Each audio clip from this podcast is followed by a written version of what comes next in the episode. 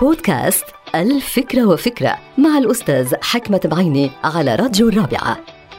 فكرة اليوم لها علاقة بالاستهتار خاصة الاستهتار بأحاديث الناس. من المعروف أنه الاستماع هو فن من فنون التواصل.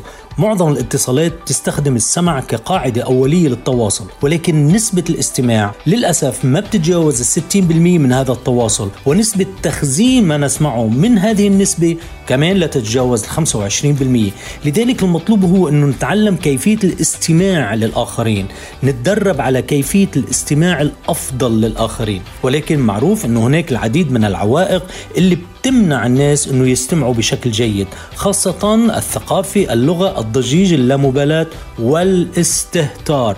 الاستهتار بالآخرين وأحاديث الآخرين هو عمل غير أخلاقي ولا يفيد فن الاستماع للآخرين.